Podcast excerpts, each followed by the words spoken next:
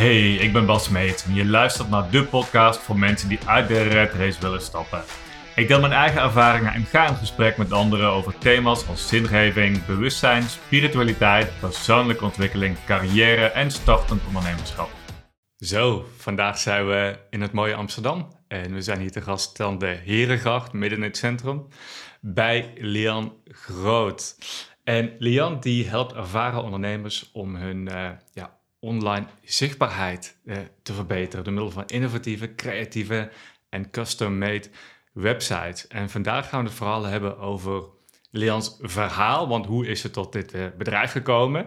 We gaan natuurlijk niet zomaar ondernemen, maar ook, uh, ja, we gaan het wel inhoudelijk een beetje hebben over uh, ja, goede websites, positionering, branding en dat soort dingetjes. Maar allereerst, Lian, ja, Dankjewel dat ik hier bij jou te gast mag zijn en leuk dat je bij ons in de, in de podcast bent. Ja, nou, uh, allereerst superleuk dat ik in jouw podcast te gast ben vandaag en welkom. Ja, dankjewel.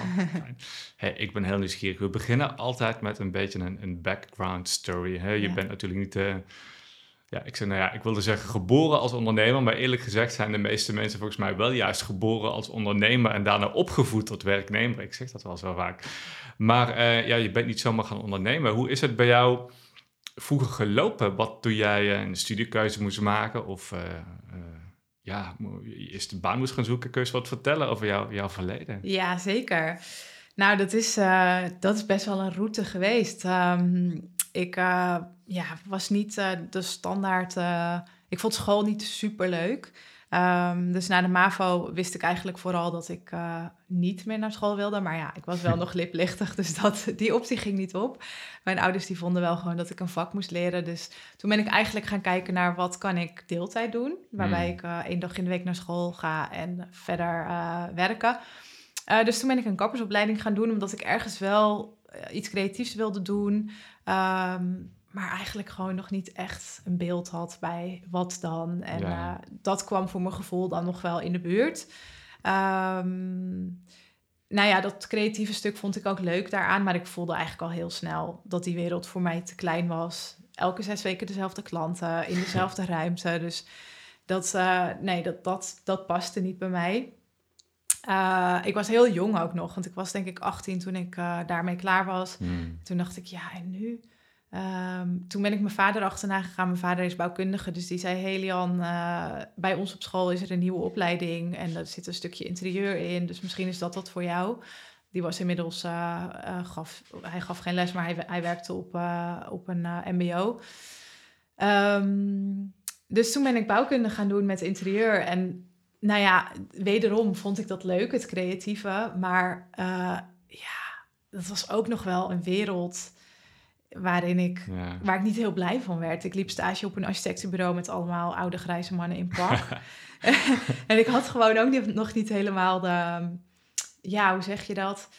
Eh, de visie van hoe dat er ook uit kon zien. Bij, bij wat, wat, voor andere soort bedrijven er dan nog meer waren. En uh, ja, in combinatie met dat ik misschien ook nog wel onzeker was en het gevoel had van ja, ik heb nu mijn diploma, dus ik moet nu eigenlijk gaan werken, maar ik weet nog helemaal niks. Uh, dus toen ben ik uh, een buitenlandavontuur aangegaan, want dat, dat wist ik wel dat ik dat wilde. Oh, heerlijk, ja. ja, ik uh, wilde heel graag Italiaans leren. En um, heeft natuurlijk ook een link met design. Ik, mm. ik vond Italiaans design heel mooi. En ja, ik voelde gewoon een beetje zo vanuit mijn buik, weet je wel, van oh, ik wil daar naartoe. Ja. En ik wil ontdekken wat daar is en ervaren hoe het is om gewoon ergens weer helemaal eigenlijk opnieuw te beginnen met helemaal geen bekende om je heen.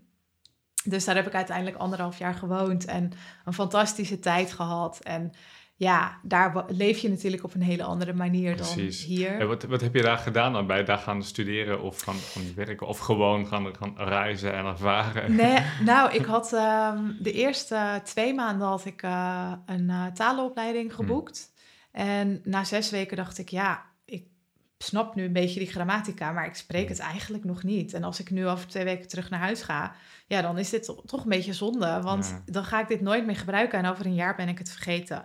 Dus toen ben ik gewoon eh, een baantje in de horeca gaan zoeken. Nou, dat vond ik gelukkig heel snel. En zo rolde ik eigenlijk van het een in het ander. Hmm. Uiteindelijk kwam ik daar een hele leuke eh, jongen tegen, een kapper. Zo gaat dat dan, hè? Als je een tijdje in het buitenland bent. Ja, ja nou, hij was dus... uh, hij had een eigen kapsalon. En ehm, hij hoorde dat ik dus kapper was. En nou, hij vond het wel interessant. Dus hij zegt, hey, kom gewoon even bij mij langs. Laat even zien wat je kan. Dus nou, zo gezegd, zo gedaan. Um, toen bood hij mij meteen een baan aan. En eigenlijk, ik heb daar denk ik een jaar gewerkt. Uh, na dat jaar voelde ik dus ook, ja, dit was het punt waar ik in Nederland al op gestopt was. Ja. Dat krijg ik eigenlijk nu hier ook weer. Alleen daar was dat eerste jaar natuurlijk leuk, omdat ik eh, die taal verder ontwikkelde. Hmm. Dus daar zaten hele andere dingen in die ik leuk vond om te leren. Maar na dat jaar dacht ik, ja, ik weet het niet. Maar leer je wel de taal natuurlijk als je in een Italiaanse kapsalon werkt. Zeker, ja. Dus dat heb ik ook heel goed geleerd. Dus ik, uh, ik spreek heel goed Italiaans nu. Um, maar uiteindelijk dus weer terug naar Nederland. Mm. En ja, ook nog wel een beetje het gevoel hebbende van... ik heb nog steeds niet echt gevonden waar ik nou goed in ben, wat ik wil doen. Uh, misschien ook wel in combinatie met wat denk ik ook veel mensen wel herkennen. Toen had ik nog de aanname van waar, waar ik voor studeer, dat moet ik ook de rest van mijn leven doen. Ja. En dat was voor mij zo'n belemmering. Het legt zo'n grote druk op jezelf ook. Zo'n grote keuze is het dan die je moet maken. Ja, dat, onwijs. Dus dat verlamde me eigenlijk ook een beetje. Ehm, dus ik heb toen een jaar de tijd genomen om te onderzoeken van... Hmm. Wat is het nou? Want ik wil nu wel een keuze maken in iets ja, waar ik ook uiteindelijk mee hmm. verder kan. Ehm, en ik weet nog heel goed, toen was er op een gegeven moment, uh, zag ik uh, een interview op tv met een jongen die studeerde productdesign. En toen dacht ik, wow, dat klinkt cool. Toen ben ik meteen gaan kijken van wat is dat precies? Nou, dat is eigenlijk industrieel ontwerp. Voor de mensen die niet goed weten wat het is. Ja, industrieel ontwerp is zo'n beetje alles om je heen wat je ziet wat hmm. ontworpen is. Um, dus die studie vond ik heel leuk, omdat die heel breed, breed was. Um, en ik vond vooral eigenlijk ook het branding stuk erin en werken met kleuren en doelgroeponderzoek. En um, ja, een beetje de softe kant eigenlijk ervan vond ik heel interessant. Hmm. Um, wat ik minder vond was dat je bijvoorbeeld, dan kreeg je een opdracht voor het ontwerpen van een stekkerdoos. Ik noem maar eventjes eentje. En dan, ja, dan vond ik het super leuk om drie creatieve concepten te bedenken, totaal out of the box. Maar dan moest je er wel veertig ontwerpen om aan te tonen dat dat oh. ene ontwerp de beste is. Nou ja, en eh, ook weer met dat, eh, ja, eh, dat vond ik, daar werd ik gewoon niet blij van. Dus dat zag ik mezelf ook niet doen later bij een bureau. Hmm. Ehm, dus uiteindelijk ben ik na die studie bij een soort marketingbureautje terechtgekomen ja, ervaarde ik ook wel weer een beetje dingen die ik wel en niet leuk vond. Uh, in die end, uh, in de praktijk zat ik ieder kwartaal bij mijn manager, omdat ik weer nieuwe werkzaamheden wilde. Ik wilde dingen anders. En ja. ik, ik denk dat ik gewoon heel snel last had van als ik elke dag naar dezelfde plek moet met dezelfde collega's dan ontstaat er een soort van saaiheid voor mij. Dan word ik verveling of zo, van de routine, altijd weer hetzelfde. Dat, ja, niet, ik word niet geprikkeld en ik hou toch wel van mezelf de hele tijd blijven ontwikkelen. Ehm, dus toen besloot ik dat, nou ja, toen heb ik nog een paar sollicitaties gedaan omdat ik toch zoekende was. Ik, ik dacht, ja, als ik voor mezelf ga starten, weet ik ook niet precies wat ik moet gaan doen. Dus laat ik ook nog maar een beetje kijken, ja, wat, wat er nog meer is. En tijdens een van die gesprekken dacht ik, ja, dit kan ik nu gaan doen, maar dit is eigenlijk uitstel van executie. Want ook hier ga ik mijn draai weer niet vinden, want hmm. er zit gewoon een bepaalde eentonigheid voor mij in uh, werken voor een baas. Uh, en ik denk ook, ik ben best wel, ik hou gewoon heel erg van autonomie, van zelf dingen ontwikkelen, zelf dingen bedenken. Ik ben niet per se een team, uh, een teammens. Hmm. Um, dus ja, toen heb ik gewoon maar de sprong gewaagd en uh, besloten om voor mezelf te gaan beginnen. Kijk, je bent ook niet zo iemand die geboren is en die wist meteen wat ze wilden gaan doen. Hè? Ik ben zo jaloers op die mensen. Hè? Die, die worden geboren, die groeien op en die weten het gewoon. Ik word arts, ik word piloot, ik word dit, ik word dat. En ze doen het gewoon en ze zeuren nooit en ze zijn gewoon happy. Ja, die heb je. Die heb je zeker. En toch vraag ik me dat ook af hoor. Of, of mm. die mensen, ik denk dat ook die mensen soms... Um, dat, ik denk dat dat ook een ding is van onze generatie. Omdat wij alles, alles is mogelijk. Het is de keuzestress van tegenwoordigheid die wij nu hebben in deze generatie natuurlijk. Van, Ja. Je kunt overal je geld mee verdienen. Ja. En ja, wat, wat, wat kies je dan? Wat, ja, en het lijkt heel overzichtelijk als je arts wil worden van nou oké, dan studeer je daar 15 jaar voor en als je klaar bent dan ben je dat. En verder heb je dan inderdaad geen keuzestress, maar dat geloof ik niet. Ik denk dat ook die mensen soms wel twijfelen van ja, maar juist omdat ik die 15 jaar heb gestudeerd, Hmm. hoe shit is het als ik nu dan toch iets anders wil? Die ken ik ook. Ik ken een. eh, het was toevallig op een. eh, ik was vorig jaar op een, op een retreat in Griekenland. En dan kwam ik hem tegen. Er was ook een, een, een Griekse jongen. En hij was dus oogarts. Ja. hè. Maar hij- zegt: Ja, ik haat mijn werk. Weet je, ik, eh, ik, ik kan niet wachten om iets anders te gaan doen. Maar ik heb dit maar gedaan. Mijn vader die wilde graag dat ik arts werd. En Ja. al die studies gedaan. Hè. Dan ben je oogarts specialist in een groot zieke, universitair ziekenhuis. Ja, Dan heb je status en dan heb je een aanzien. ja, En dan is van ja, waarom heb ik het eigenlijk gedaan? Niet, niet voor mijzelf. nee. Nou, weet je, en, en dat is misschien ook wel weer die gouden kooi die we soms voor Hmm. onszelf creëren. Eh, en die, die krijgt denk ik iedereen op zijn eigen manier. Dus Tuurlijk. de struggle die je soms ervaart in ja, de dingen die je doet, of in je onderneming, of misschien in werken voor een baas. ehm, uiteindelijk krijg je natuurlijk gewoon de lessen die je moet leren, op wat voor manier dan ook. Ja, totdat je ze leert, Ja, blijven ze ook weer terugkomen. Hè? ja zeker. Zeker. Ja, En dat is het. En ik, ja, mooi dat jij uiteindelijk best wel, toch best wel snel ik, die stap gezet hebt. Goed, het was een lang proces, maar in, qua tijd, volgens mij was je nog best wel jong toen je voor jezelf begon. Als ik kijk naar heel veel mensen waarmee we werken, het zijn toch de midden 40ers, 50ers, Mm. hè, die dus al heel lang in carrière zitten en eigenlijk ook al tien jaar lang weten of nog langer van dit is het niet. ja, Maar, maar ja, wat dan? Wat hoe dan? En, en ik vind het dan mooi om te zien als mensen wel gewoon die knoop doorhakken op een gegeven moment. Zeggen, ja, ja, nee, ik kies nu voor mezelf, ik ben er Ja. klaar mee, ik ja. ga mijn eigen ding doen. Want Ja. hoe oud was jij toen jij besloot om voor jezelf te gaan starten? Ehm, ik was denk ik eh, ja, 30, 32, zoiets. Dus voor mijn gevoel is dat helemaal niet zo jong. Ehm, maar ja, dat is maar net waar je het inderdaad mee Je vergelijkt. vergelijkt, hè? Ja.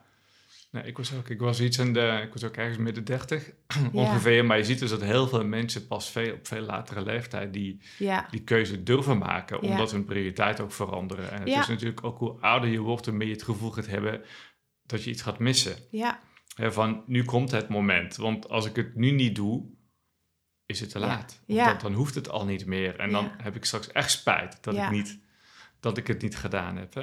nou zeker. En die herken ik ook. En eh, ik ben vorig, of nou ja, bijna twee jaar geleden nu mama geworden. Dat heeft voor mij ook weer dingen in perspectief gezet. En ehm, dan ga je ook inderdaad weer kritisch nadenken over... hé, hey, maar wat wil ik eigenlijk mijn kind meegeven? En wat wil ik in de wereld zetten? En eh, ja, waar het daarvoor ook nog wel heel erg voelde als spelen en dingen uitproberen. Ehm, jij had het net inderdaad over van, ik ben wel jaloers op die mensen die echt uit een ondernemersgezin komen of met een ondernemersmindset geboren worden. Ehm, ik had niet, ik ben niet, zeker niet geboren met een ondernemersmindset, maar ik was wel altijd brutaal. En ehm, ik was wel, zeg, ik ben wel altijd degene geweest die dan, eh, als er bijvoorbeeld dingen gezegd moesten worden die een beetje spannend waren, nou, Lian, doe jij dat maar. Of Mm. weet je wel, op school, als je dan, als er een presentatie gegeven moet worden, oh, doe jij dat maar, want jij vindt dat niet eng. Weet je wel, dus bepaalde ehm, misschien kenmerken of, of ja, handige eigenschappen die je als ondernemer kan hebben, die heb ik wel. Ja. Ehm, maar ondernemen aan zich, ja, dat is gewoon een vak. En Juist, dat ja. hè? Ja. ik ben eigenlijk vanuit mijn passie mijn baan gaan Mm. creëren. Maar ook echt wel, eh, en, en daar loop ik nog steeds af en toe tegenaan. Die, die echt ondernemen is iets anders dan goed zijn in je vak en dat Zeker. doen. Want met goed zijn in je vak krijg je nog geen klanten. Nee. En ik denk dat waar misschien. Ik denk dat dat voor mensen die al wat ouder zijn en deze Mm. keuze willen maken, dan heb je dus voor jezelf vaak een soort van Mm. zekerheid gecreëerd van, ja, nou ja, alles wat voor jou dan zeker voelt in zo'n vaste baan. Klopt. Dat heb ik nooit gehad. Mm. Ik heb nooit eh, een, goed verdiend in een baan die ik fantastisch Mm. vond. Dus voor mij, eh, en ik, ik denk een van mijn, ehm, mijn purpose bijvoorbeeld, als je het Mm. daarover hebt, ik vind dat een heel ingewikkeld woord. Want ook dat is een woord die denk ik veel mensen ver, verlamt en ook eh, niet helder hebben wat je purpose is. Ja, het is ook welke betekenis je aan dat woord geeft Ja. natuurlijk weer. hè. Dat, je kunt het heel groot en heel groot zien. Alsof het iets heel groots moet zijn, alsof je echt de wereld moet verbeteren of zo. Maar het kan ook iets heel simpels, kleins zijn, op kleine ook. schaal. Hè? Dat is Nou ja, en, en vooral als hij dus eigenlijk niet per se in Hmm. connectie staat met je bedrijf, Mm, dan kan het een ingewikkeld ding worden. En juist. dat heb ik zelf heel erg ervaren, dat mijn purpose zit heel erg op vrijheid. Dus voor mij is vrijheid eh, met mijn zelfgebouwde campertje de wereld overreizen en mijn zoon laten zien wat er allemaal kan. Dat Oh, is heerlijk. ja. Ja. Daar word ik gelukkig van. En daar heb ik eigenlijk ook niet zoveel voor nodig. Ehm, maar eh, ja, wil je dat dan... Natuurlijk zou ik die dingen kunnen koppelen aan mijn bedrijf. Maar ehm, dat vind ik niet per se heel relevant. Maar dat, dan kom je wel soms in een tweestrijd van... oh ja, hoe Hmm. koppel je dan je purpose aan ook goed willen zijn in, in ondernemen? Ehm, ja, Het is altijd, kijk, ik, ik zeg altijd, je hebt eigenlijk vier rollen in ondernemerschap. De meeste bedrijven die worden gebouwd door, of gestart door, ik noem een, een, een, een artist of een creator. Iemand Ja. heeft een inspirerend idee, is Ja. een artiest, wil iets creëren, niks maken. Of door een, wat ik noem een technician, dat is de uitvoerder. Dus die, die, die is vaak de gneuten of zo, weet je, die hebben dan ook een goed idee, iets, kunnen goed iets creëren, maken. En die beginnen met een idee.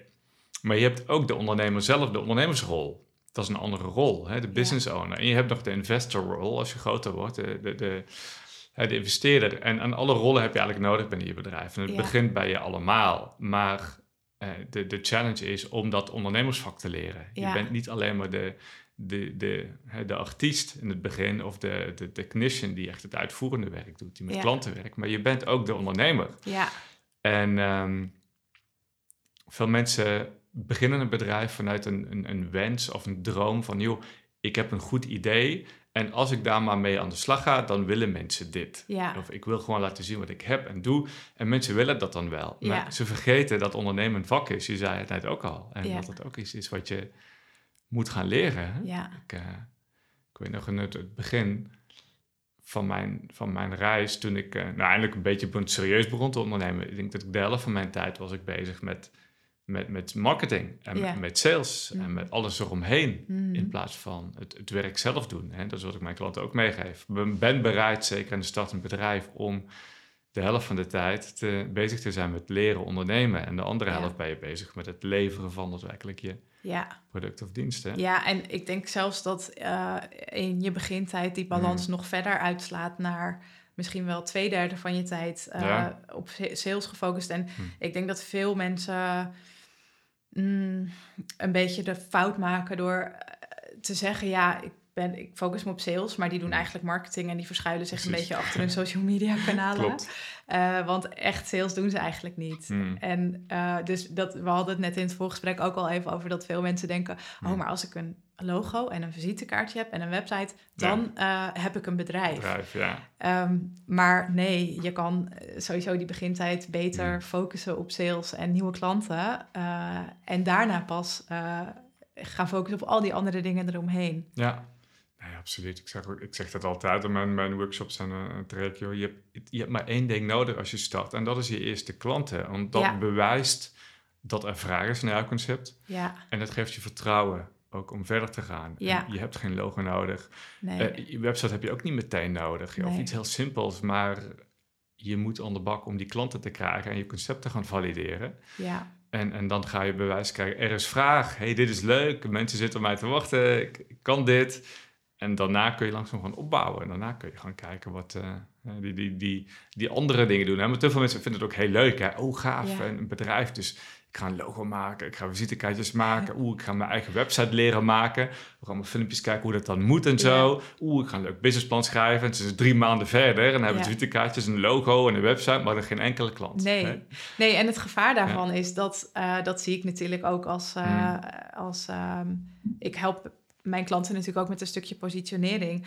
En wat ik vaak fout zie gaan is dat je aanbod gaat ontwikkelen vanuit jezelf. Hm, Ja. Ehm, en ja, dat is eigenlijk echt eh, zonde als je dat doet. Want als je je aanbod creëert aan de hand van de gesprekken die je voert met potentiële klanten. Dus het kan best dat jij natuurlijk in het begin nog geen klant hebt, maar ga dan in gesprek met mensen die, Ja. waar je het heel tof voor lijkt om voor te gaan werken. Exact. Ga daarmee in gesprek. Want Ja. als je op die inzichten je aanbod gaat bouwen, dan krijg je ook gewoon een veel sterkere positionering. Ja. En dan ontstaat er eigenlijk niet een gap tussen, oh, maar ik heb nu dit gecreëerd. Oh, maar ik zie eigenlijk dat die klanten dat willen. Eh, Ja, dan heb jij eigenlijk daartussen niks eh, staan. En dat is gewoon heel zonde. En dat geldt eigenlijk dan ook weer in de doorvertaling verder in je bedrijf. Bij iedereen, de- bijna bij niemand is het zo dat waar je nu mee start, volgend jaar sta je nog op precies dezelfde plek. Dat ontwikkelt zich enorm die Altijd, eerste ja. tijd. Dus om dan meteen al met je branding aan de slag te gaan, ja, ik adviseer dat eigenlijk nooit om te doen, omdat Nee. daar nog zoveel in verandert en je echt nog je ideale klant moet leren kennen. Ja. En eh, ja, zeker. Ja, je ziet het vaker mensen, hè, als, ze, als ze dit omschrijven, hun positioneren of ze mee bezig zijn, dat ze praten in termen van ik. Ik kan dit, ik wil dit, ik doe dit met mensen. Ja, In, in plaats van, mijn klant zit hiermee. Mijn Mhm. klant heeft dit al geprobeerd, mijn klant heeft dat nodig. En dit is de reden waarom het hem niet gelukt is. ja, En van daaruit, dus dit, is- en dit is wat mijn klant nodig heeft, van, die, van daaruit gaan kijken. Hè? ja, En ehm ja, zo belangrijk. Wij doen altijd een, eh, we noemen het gewoon een simpel doelgroeponderzoekje voordat mensen inderdaad aan de slag gaan met die hele positionering. Om echt te gaan kijken wat zit er in het hoofd van mijn klant. Hè? ja, Wat, wat ligt hij wakker van? ja. Eh, om echt die klant leren kennen. Mooi. Heel belangrijk. En Ja. eh, dat is wel mooi dat je dat zegt, want dit is tevens een van de grootste fouten die ik op websites fout zie gaan. Ja, Mensen beginnen vaak met een blanco vel en die gaan schrijven wie ze zijn, wat ze doen, wat hun aanbod is. Maar ja, dan haakt een potentiële klant haakt af meteen op je af. hè? website. Ja, die wil lezen, hey, wat heb jij mij te bieden? Ik wil lezen dat jij snapt, dat je mijn probleem snapt en dat, Dat. je daar een, een antwoord voor Maar hebt. juist. En je hebt van die websites nog steeds, steeds minder wel gelukkig. Hè? Maar vroeger begon je altijd met... Hallo, ik ben. Henk. Welkom En op mijn welkom website. aan mijn website. nou, leuk. ja.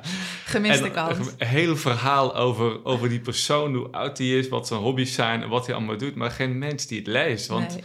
Het, interesseert, het interesseert niemand iets. Hè? Je wil gewoon binnen 10 seconden weten: is dit voor mij en lost het mijn probleem op? Ja. Klaar. Binnen drie seconden wil je dat ja, eigenlijk nou, tegenwoordig nog weten. liever ja, met bovenaan gewoon heel duidelijk. Ja, En, en daardoor gaan mensen natuurlijk verder scrollen en kijken. Ja. Als je ze triggert, als je ze hoekt, gaan ze verder kijken. En, eh, zeker. Mooi. Maar hoe ging dat even terug naar jouw reis? Heb jij besloten toen ik ga ondernemen, ik ga voor mezelf beginnen. Ja. Had je toen meteen al dit idee wat je nu doet? Of ben je met iets anders begonnen? Nee, ik ben eigenlijk begonnen met grafisch ontwerp. Dus ik deed eigenlijk allerlei, nou ja, alles wat je grafisch kan ontwerpen, Hmm. dat eh, deed ik zo'n beetje. Ehm, dus ik had daar eigenlijk helemaal geen focus in. En ook niet, ik wist ook eigenlijk niet zo goed hoe ik mijn potentiële klanten kon benaderen.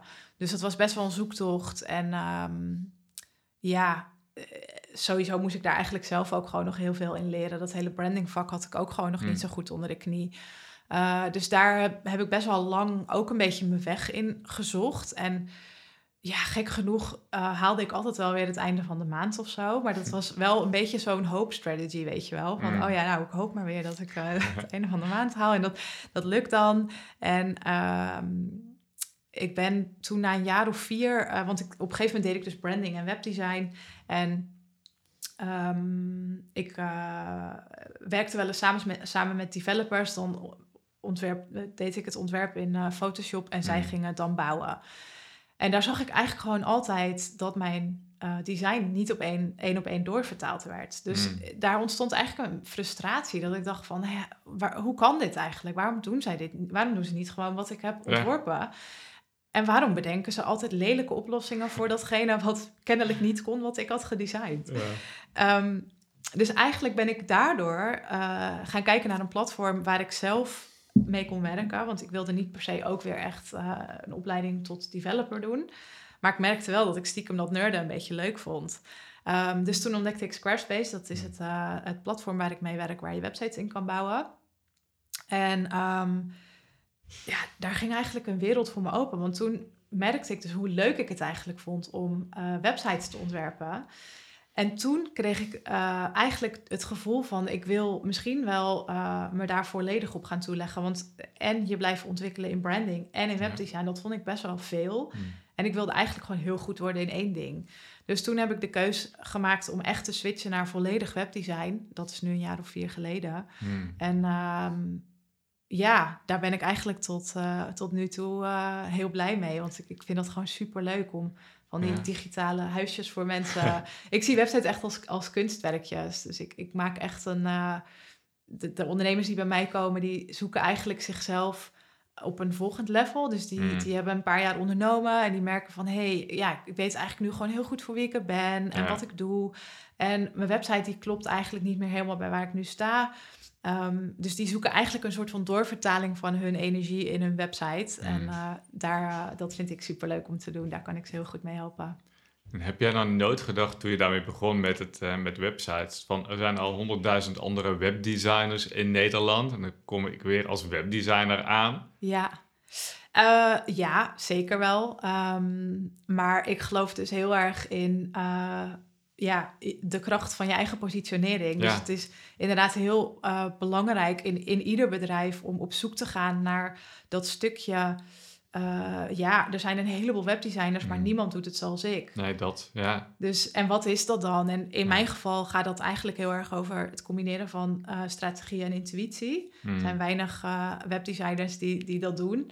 Ehm, dus ik vind het heel leuk. Mijn intuïtie gebruik ik echt om in te tunen op mijn klant. Om daarmee in gesprek te gaan. Om intuïtief gewoon te voelen van... hé, hey, oh ja, ik moet nu dit vragen. Of oh, ik voel daar iets.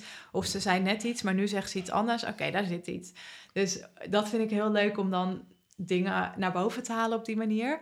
Ehm, en vervolgens gebruik ik juist echt ook weer strategie om daar eh, een website van te bouwen die ook marketingwijs klopt. En ja. ja, waar je als bezoeker ook eh, eh, ja, doorheen geleid wordt op een manier dat je snapt eh, waar je wat moet zoeken. En, Gaaf, ik vind het mooi, want dit is wat we dan heel vaak zien, ook bij, bij mensen bij ons, die heel veel mensen willen worden coach worden of trainer of iets genoeg of de consultancy. ja. En, en wat er altijd in de hoofd zit, is dat stemmetje, ja, maar er zijn er al ja, zoveel van. Hè? En, Ja. en dat is zo jammer dat dat mensen tegenhoudt. Ik zeg dat de reden dat er zoveel van zijn, is ten eerste dat er dus blijkbaar een markt is voor Ja. ditgene. ja, Hè? Want anders zouden er niet zoveel zijn.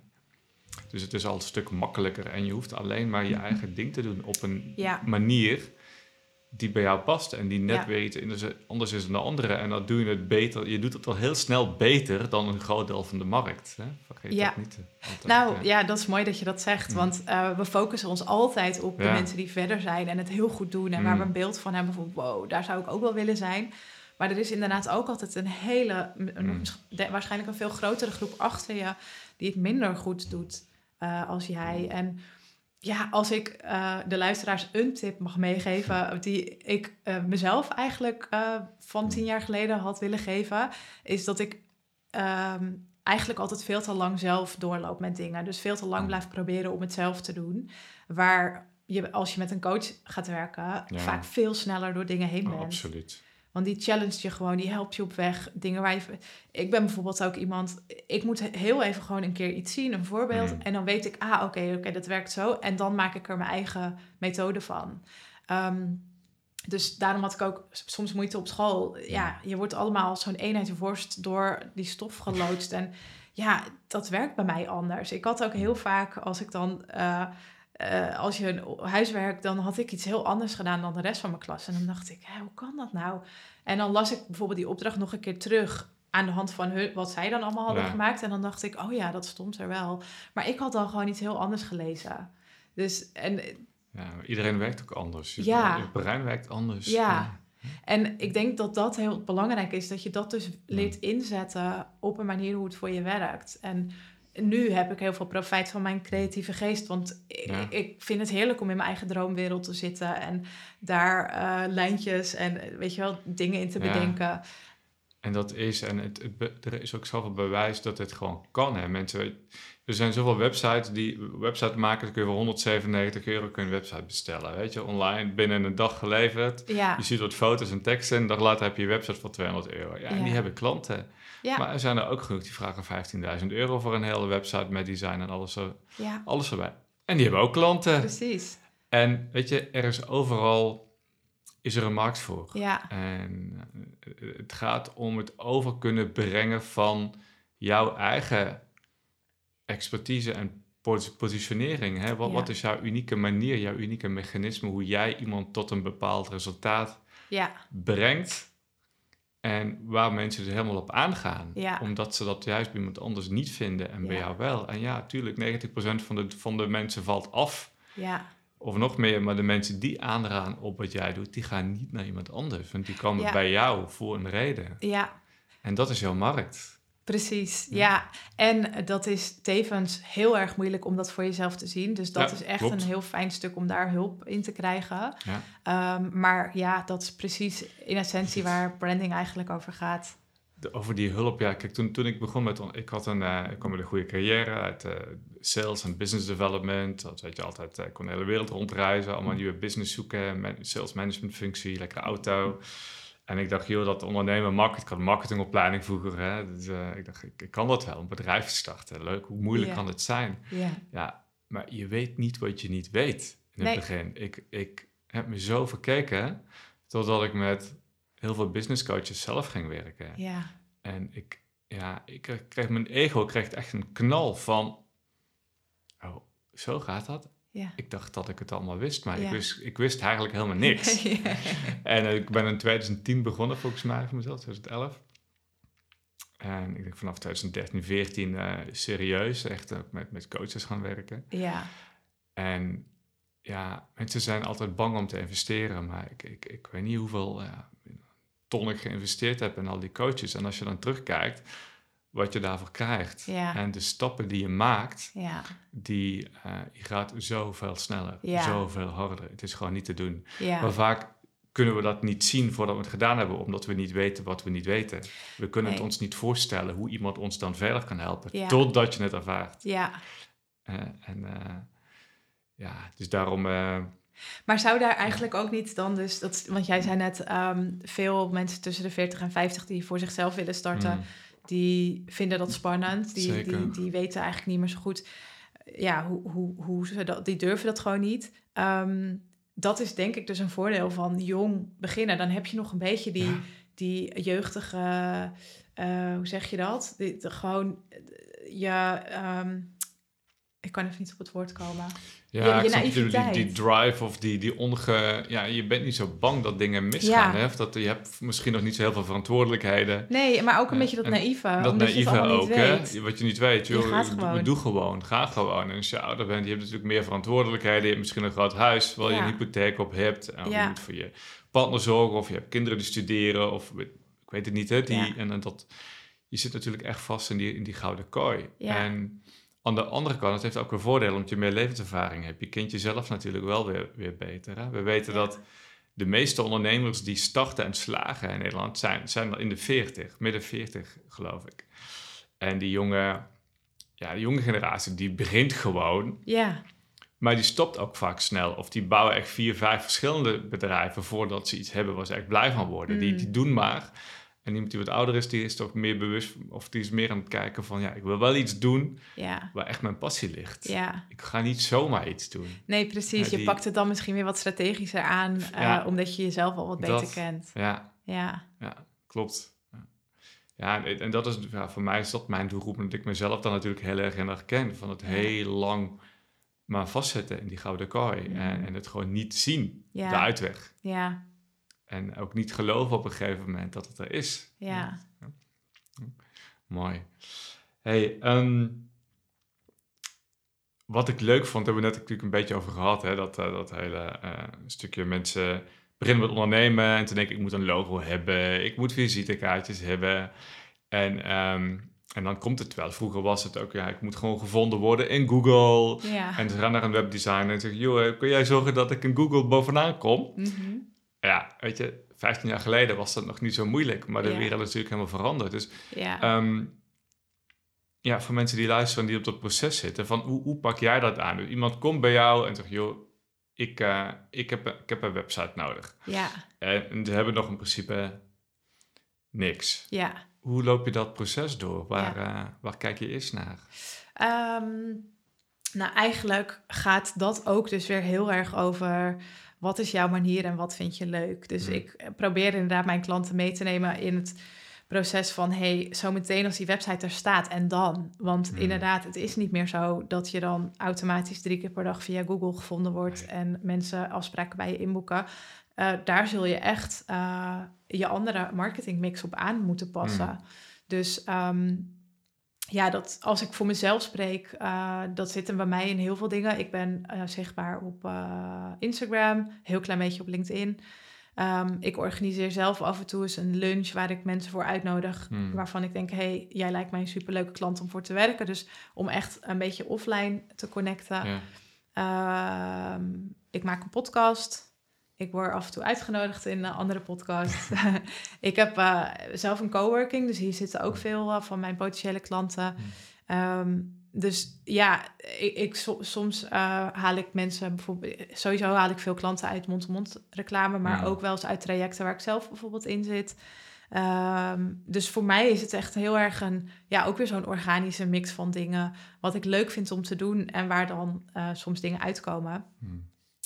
Uh, maar dat, ja, daar probeer ik met mijn klanten ook naar te kijken van wat ga je doen om die mensen naar je website te krijgen straks. Want inderdaad, ja, uh, organisch um, is dat niet meer de meest makkelijke methode. Precies. Dus dan begin je mee om te kijken als die website er staat, wat, wat dan? Ja. Hè, maar en, en, en dan hoe ga je verder naar het proces van het designen van die, van die website? Hè? Help je mensen echt naar, naar het kijken naar hun positionering en doelgroep? Het, ja. uh, voordat je, je hebt ja, ik zeg altijd, je hebt twee soorten webdesigners en misschien wel meer, maar je hebt, je hebt degene die maken gewoon een mooie website. Ja. Met heel flashy en cool fotomateriaal. En mensen van, oh wat mooi. Uh En je hebt de marketeers die een website voor je bouwen. En die het hele proces met je doorgaan. En dan komt dan een website die gewoon strategisch is en die converteert. Ja. En, en, je hebt natuurlijk ook allebei. Ik wou zeggen, ik denk dat ik een mix van die twee ben. ja. In, ja. In, inderdaad. Um, maar hoe doorloop jij dat proces? Iemand komt bij jou? Ja. Waar, uh... nou, ik, uh, wat, waar ik mee start eigenlijk altijd is een live dag. Uh, mm. Zodat ik even helemaal lekker in de energie van die klant kan stappen. Um, dan gaan we het overal over hebben. Dus ik, ik ja, stel dan vooral heel veel vragen. En uh, ik denk dat dat proces bij mij dus ook heel erg gaat over lezen tussen de regels door. Dus mm. het gaat niet altijd alleen maar over de dingen die ze concreet vertellen. Maar ook wat voel ik daaronder. Um, Nou, eigenlijk aan de hand daarvan heb ik al heel veel input. Dus dat, dat vertaalt zich bij mij naar een bepaald gevoel. En als ik dan um, met beelden ga werken, dan, ja, dan kan ik daar visuals aan koppelen en kleuren en vormen. Um, dus de klant of de copywriter gaat dan uh, met de copy aan de slag. Dus in die live dag uh, ga ik dan een framework met ze ook schetsen van, nou oké, op basis van wat er nu allemaal ligt, dit worden de pagina's, die pagina's gaan we zo indelen. Dus dat wordt voor hun dan al wat meer een invuloefening. Um, en uh, als dat klaar is, dan uh, gaat, of tegelijkertijd eigenlijk gaat mijn designer aan de slag. Die gaat een huisstijl ontwikkelen als die er nog niet is. Um, en als dat er allemaal ligt, dan ga ik beginnen met de bouw van de website. Um, dan bouw ik eigenlijk altijd gewoon een uh, homepage eerst om ja, dat helemaal fijn te tunen van hey, is dit uh, ja, visueel gezien, um, ben, je, ja, ben je hier helemaal tevreden over? Hmm. Moeten we daarin tweaken? Um, dus dat is voor mij ook het stuk dat ik uh, de huisstijl die er ligt ga doorvertalen naar een website. Dus vaak moeten er dan nog wel extra visuals bij komen. Um, ja, dat, dat, dat, dat is voor mij een heel intuïtief proces. Dus dat is hmm. eigenlijk in ieder project weer anders wat daarvoor nodig is. Um, en als ja, dat dan eigenlijk helemaal staat, dan gaan we door met, uh, met de rest van de pagina's. En hmm dit is eigenlijk ja, ook bij iedere klant weer de, de een, als, als de copywriter uh, de content schrijft, dan krijg ik in één keer alle pagina's aangeleverd. Dus dan kan ik ook lekker snel door. Maar soms, uh, als de klant zelf schrijft, dan gaan we vaak eerst even op de homepage focussen. Hmm. En als die staat, dan hebben ze vaak alweer een uh, basis van waaruit ze zelf makkelijker kunnen schrijven. Dus dan zien ze hmm. hun brand tot leven komen. Wat ze vaak weer de inspiratie geeft voor hun aanbodpagina's bijvoorbeeld. of over mijn pagina. Ik vind het zelf altijd, als ik, ik, ik moet het zien en dan kan ik de teksten gaan schrijven. Hè? Als ik het zie, dan kan ik het veel makkelijker invullen. Ja. Wat bij mij altijd goed werkt, is dat ik, dat ik zelf teksten schrijf en dan door een copywriter laat, uh, laat optimaliseren. Ja dat werkt altijd het beste. Ik denk dan jezelf kijk de klant natuurlijk het beste als ondernemer hè, met je ervaring. Ja.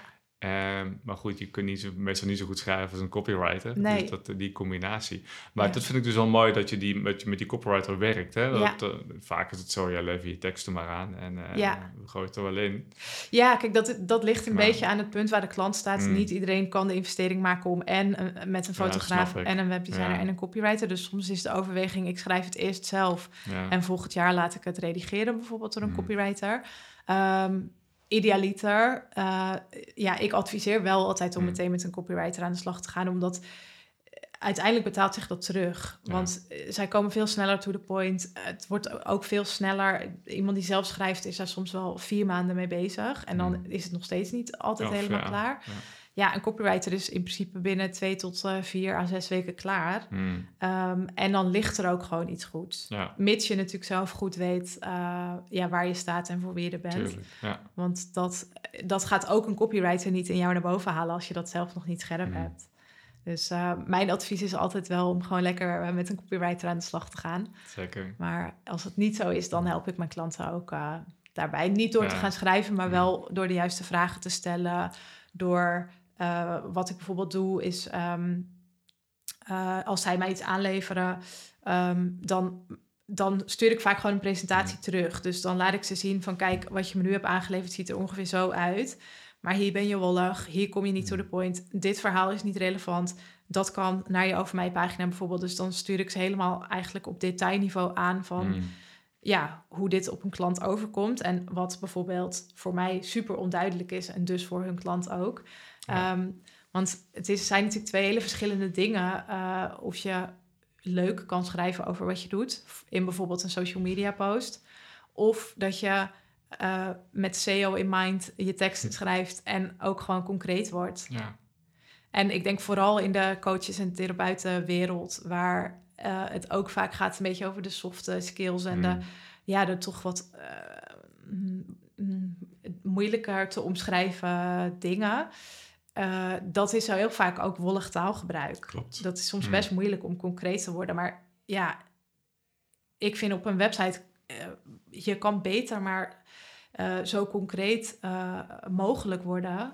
Ehm, want ja, hoe wolliger, hoe meer ruimte voor interpretatie, hoe dat minder dus, mensen... hè? Hoe minder mensen Ja. zich herkennen Ja. het, in het verhaal, omdat het zo algemeen is. Hè? Ja, kom je vaak of ja, dit, dit is weer hetzelfde als bij al die anderen. ja, Wat? ja. En, en wat, wat kan je nou eigenlijk dan voor me Ja. doen? Ja, is ja, nou, ik, ik, ik help je aan een beter leven. Of ik help je meer in je kracht te staan. Dan kan je dat soort algemene termen die je Precies. overal ziet. En ik snap, hè, het begin, ja, Ja, weet je misschien ook niet beter. nee. Maar hè, dat is de... Ja, het, het- ik, ik noem dat van die blacklist words. Die wil je gewoon Ja. niet gebruiken, omdat iedereen die gebruikt. Dus dat is ook zo'n tip. Mensen zeggen van, joh, kijk eens op gewoon tien websites van je concurrenten. Precies. En doe dat dan niet. Precies, dat. Ja, of vertaal hem nog iets verder door. Ja. Dus als je het hebt over ik zet mensen in hun kracht, Hmm. zodat. Ja, Weet je wel, precies. maak met waarom, hè? Wat is het doel uiteindelijk? Wat Ja. je wil, hè? Dat- Ja. klopt. Ja. En ehm, ehm, ik wilde daar nog iets over zeggen. Oh ja, eh, mensen denken vaak dat het heel beperkend is om dan dus heel Hmm. concreet te worden. Want ja, want ja, maar dan zijn er ook mensen die ik daarmee afstoot. Ja, Juist, graag. dat is de bedoeling. Dus ehm, de- je website is in die end ook maar gewoon eh, je etalage. En Mm. het kan best dat jij achter in je winkel nog meer spullen hebt hebt liggen. te staan, ja. ja. Dus, en dat is helemaal fijn. Mm. Dat, dat, eh, je wilt juist gewoon mensen naar binnen trekken met je duidelijkheid. En daarna, als je Ja. dan eh, met iemand in gesprek bent, kun je altijd andere producten erbij halen van hé, hey, maar dit past misschien veel beter bij jou. Dit heb ik ook. Hmm. Ehm, maar maak daarin keuzes. Juist. Het is een mooie spreuk. Ik weet niet meer wie hem gezegd heeft, maar eh, geld verdien je niet in het midden. Ja, En daar bedoelen ze eigenlijk mee... joh, als jij iedereen tevreden wil houden, Ja. als jij je richt op, op, op iedereen standaard taal gebruikt, dan gaat niemand aan. En Nee. hoe meer uitgesproken je bent, ja, hoe meer je je mening geeft, hoe meer je ja, soms ook misschien wat harder bent en, Ja. en je oordeel geeft over dingen, ja, hoe meer mensen je afschrikt daarmee. ja, Maar je creëert ook de echte fans die helemaal aangaan op jou. En dat zijn je, dat zijn je klanten. En die gaan niet naar iemand anders. En in het midden, ja, je triggert niks. Je triggert geen emotie. Je, het doet niks. Hè? Mensen gaan niet aan op Ja. je. En eh, wie zei dan een andere business coach van mij? Zei, Bas, joh, als je, voor, als je 12 uur 's middags nog niemand eh, boos gemaakt hebt, dan, dan ben je niet, dan verkoop je niet hard genoeg. Of dan schrijf je niet hard genoeg. Dus eigenlijk moet je elke dag voor 12 uur moet je al een, eh, Hmm. moet je al een reactie van iemand hebben dat die boos is. Of een klachten-e-mail, een klachtenmail van dat ze, dat ze klagen of dat je te veel mail of dat je, Ja. weet ik wat, zoiets. Elke, maar eigenlijk moet je het elke dag krijgen. En krijg je dat? Eh, nee, ik krijg er wel veel, maar niet elke dag. Oh ja? Of veel, ja, nou, eh, wel twee, drie per week minimaal. Ja, dat En dan wel. op basis van je social content? Of? Van mijn social content of mensen zich afmelden van de mailinglijst, er staat er bijvoorbeeld een heel verhaal bij wat het allemaal eh, bullshit is. En Oké. Dreigmails ook wel eens. Ja, Eh, echt? Ja, dan denk je, ja, mensen hebben niks beters te doen. Oké.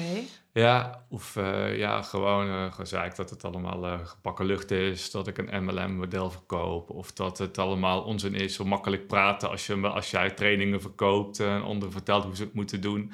Heel veel oordeel, ja. Hmm. ja. En ik, het is prima, ik laat maar komen. Het is, het is oké. Ik merk ook, we zijn net ook bezig geweest met, met een herpositionering van, van maak je impact. We hebben ook een, net een nieuwe website gelanceerd en een eh, nieuwe brand Mhm. teksten laten schrijven. En dat, ja, ik krijg ook echt terug van veel mensen in mijn audience van Bas, ik herken mij niet meer. Oké. Het is niet meer van mij. Ja. En dat is oké. Ja. Dat was de bedoeling Ja. ook. Eh, dat, en er zijn ook mensen die zeggen, wauw, hier heb ik op gewacht. Waar, eh, waar kan ik me aanmelden? Te gek. Dus, en en dat, dat is wat je wil creëren Ja. natuurlijk uiteindelijk. Mooi. Ja, Mooi dat, dat, eh, dat Ja. het gebeurt. zeker. Hey, hoe kom jij nu aan jouw klanten? Eh, ja, ik noemde het net al een beetje natuurlijk. Mm. Ja, toch wel veel via via. Hmm, Ehm, ik probeer gewoon, ja, eh, in ieder geval ook op mijn socials toegankelijk te zijn. Dus ik ga ook echt wel zelf met mensen in gesprek. Dus altijd een beetje zoeken naar die dunne lijn van, eh, ja, je wilt eigenlijk niet irritant zijn. Ja. Ehm, eh, maar je, ja, je wilt toch je wilt wel een beetje een band met iemand opbouwen. En ja, ik duw nooit gelijk mijn mijn- aanbod bij iemand onder zijn neus. Ehm, ja, af en toe gewoon eens iets leuks offline organiseren. Ehm eens, een masterclass geven bij iemand anders in zijn traject. Ehm, ja, inmiddels heb ik best wel een groot netwerk ook van andere ondernemers om me heen. Die ook ja, weer mensen naar mij door verwijzen. Ja. Ja, dus eigenlijk wel verschillende kanalen. En ja, ik zal ook eh, niet ontkennen dat het soms een struggle is. ja, Het is eh, bij mij, ik heb niet eh, altijd een consistente stroom, dus dat blijft eigenlijk altijd wel een beetje Hmm. op en neer gaan. En dat is ook weer inherent aan de tijd van het jaar, aan mijn eigen energie. ja, Ehm, ja, soms ook ik heb wel eens het gevoel weer van. hmm, ben ik nog wel helemaal aan het doen wat ik wil doen? Of Ja. kriebelt er alweer eens wat anders? En dat, zijn, dat vind ik ook wel echt een moeilijk onderdeel van het ondernemen soms. Dat al je persoonlijke ontwikkelingskwesties, die worden gewoon enorm uitvergroot. uitvergroot, hè? Ja. Ja, dus, dus waar ik zelf een hiccup op heb, Ja. of even stagneer of twijfel of whatever, dat zie je eigenlijk direct terug in je business. Hmm. En dat vind ik soms frustrerend, ehm, maar ook wel weer mooi. En ehm, wat denk ik gewoon heel. Wat je als ondernemer gewoon echt moet zijn, is, is ehm, flexibel en een lange adem. En het eigenlijk continu blijven geloven in jezelf. Dat. Dus als er even iets stagneert, de hele tijd vertrouwen blijven Hmm. houden van oké, maar het komt wel weer. Ik blijf gewoon zichtbaar, ik blijf gewoon mensen benaderen. En dan vaak komt het ook weer. Het komt altijd weer uit Het een onverwachte hoek. tenzij je opgeeft. Tenzij je opgeeft. Ja, Ja. ja, ja. ja. En mooi dat je het zegt. Ik, ik, ik zeg altijd, relaties en ondernemerschap zijn de twee beste zelfontwikkelingstools. Want je komt jezelf zo tegen. Ja. Het zijn allemaal spiegels. ja. En eh, ja, wat je zegt, ook met die... Je blijft soms toch weer twijfelen. Hè, van ben ik nou op het juiste pad? Is dit het Mhm. dan? En eerlijk, elk paar jaar verandert het bij mij ook weer een beetje. Ja. En je blijft gewoon scherp stellen. Je blijft gewoon groeien. En ook met je klanten. Soms heb ik ook even geen klanten dat er niks komt. Nu met een, herpositionering. We hebben net een launch gedaan. Nou, dat ging op zich oké. maar ik had verwacht dat we minstens 20 klanten in een nieuw traject krijgen. Dat werden er negen. Oh, Dus ik denk, waar is, waar is iedereen? Want het had Mm. eigenlijk veel beter moeten lopen. En Ja. dan denk je toch, maar je kunt het soms ook niet voorspellen. En het heeft dan altijd weer tijd nodig om, eh, je, je bent altijd, ja tenminste ik dan, ik ben dan weer even, oh, die fase weer. Maar ik ken deze Ja. fase omdat Ja. ik er al meerdere keren in geweest ben. Dat Ja. je denkt van, ah, ja. wat moet ik nu weer? Ik moet weer aan de bak, hè? Moet weer strategie, moet weer Ja, gaan sales, marketing. Wat, wat nu? Hoe bereik ik mijn nieuwe doelgroep nu weer? Het hele riddeltje weer ja, doen. En dat, ja, dat is zo. ja. Nou, en dan dus ook onderzoeken van waar zit het hem in. Dat, Want dat, hè? lag het even aan de tijd? Ehm, lag het aan je campagne? Moet je daarin dingen optimaliseren? Eh, heb je misschien bepaalde dingen niet gedaan die je wel had moeten doen? Precies. Zit het in je content? Dat is ook soms moeilijk. Van, het heeft ook wel eens te maken Mm. met gewoon even zitten, geduld hebben en vertrouwen hebben dat dat wat er staat goed is. Goed is, ja. Maar soms is het inderdaad ook, ja, je mag gewoon even terug naar de tekentafel en kijken wat je moet veranderen of zo. Is het mij gewoon heel goed kijken. Wat ging er, eh, wa- waar, hing, eh, waar, waar zijn mensen afgehaakt? Was Ja. het een, het laatste stukje? Was het...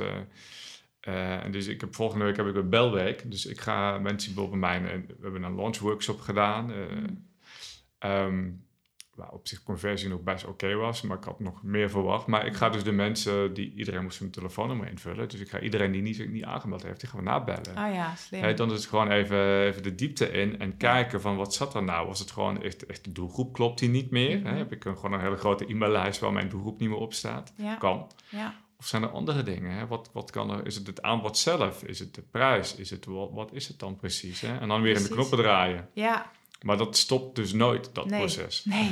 Dat Nee. idee dat we zo vaak hebben, als ik het eenmaal heb staan, Ja, ah, dan, Dan- kan ik genieten. Maar dat moment komt nooit. komt niet. Nee, nee. dat, eh, dat realiseer ik me ook. En dat, dat is dus ook weer een beetje Ja. die lange adem. Van Ja. kan je jezelf elke keer weer opladen om dat dus Ja. keer op keer te blijven doen? Ja. Ja, of ben je daar uiteindelijk niet voor gemaakt en eh, kies je Hmm. toch voor meer zekerheid? Maar ik weet, al, als ik voor mezelf spreek, ik weet zeker dat al zou ik die zekerheid op een ander vlak wel weer gaan opzoeken en bijvoorbeeld een Hmm. tijdje in loondienst gaan werken, dan weet ik zeker dat, dat daar zoveel facetten me daarin gaan tegenstaan, dat ik dan liever deze onzekerheid af en toe heb Hmm. dan, eh, dan daarvoor kiezen. De beste zekerheid is de zekerheid dat je goed kunt omgaan met je eigen onzekerheid. hè? Ja, nou eigenlijk Ja, wel. ja. Dat is het echt. En eh, ja, niks, eh, niks krijgt mij denk ik terug in loondienst. Het is de, de vrijheid toch en het eigen keuzes kunnen maken. Wat Ja. eh, zo belangrijk is voor mij. Ja, Nou, mooi. Goed. hey, we gaan langzaam afsluiten. Ik wil je hartstikke bedanken voor jouw mooie verhaal en de leuke tips ook voor, eh, voor mensen die luisteren. Ja, nou heel graag gedaan. Ik vond het super leuk om met je in gesprek te gaan. Super. Hey, als mensen meer over jou willen weten, waar kunnen ze jou vinden? Eh, mijn website is eh, www.brand-fuel.nl. Mijn Instagram is Lian underscore brandfuel en LinkedIn Lian Groot. Top. Ik zal hem weer even in de show notes erbij Ja, zetten, dat leuk. mensen hem daar kunnen vinden. Ja, en ga gerust, stuur me gerust een berichtje. Ik ga graag met je in gesprek. Nou, top Lian, hey, ik wens je heel veel succes en eh, nou, we spreken elkaar. Dankjewel. Hey. Je luisterde net naar Uit de Red Race met Bas Meets. En je zou mij een enorm plezier doen wanneer je deze podcast een review of sterrenrating zou willen geven op Apple Podcasts of op Spotify. Wil je meer weten over het werk dat ik doe? Kijk dan op www.maakjouwimpact.nl.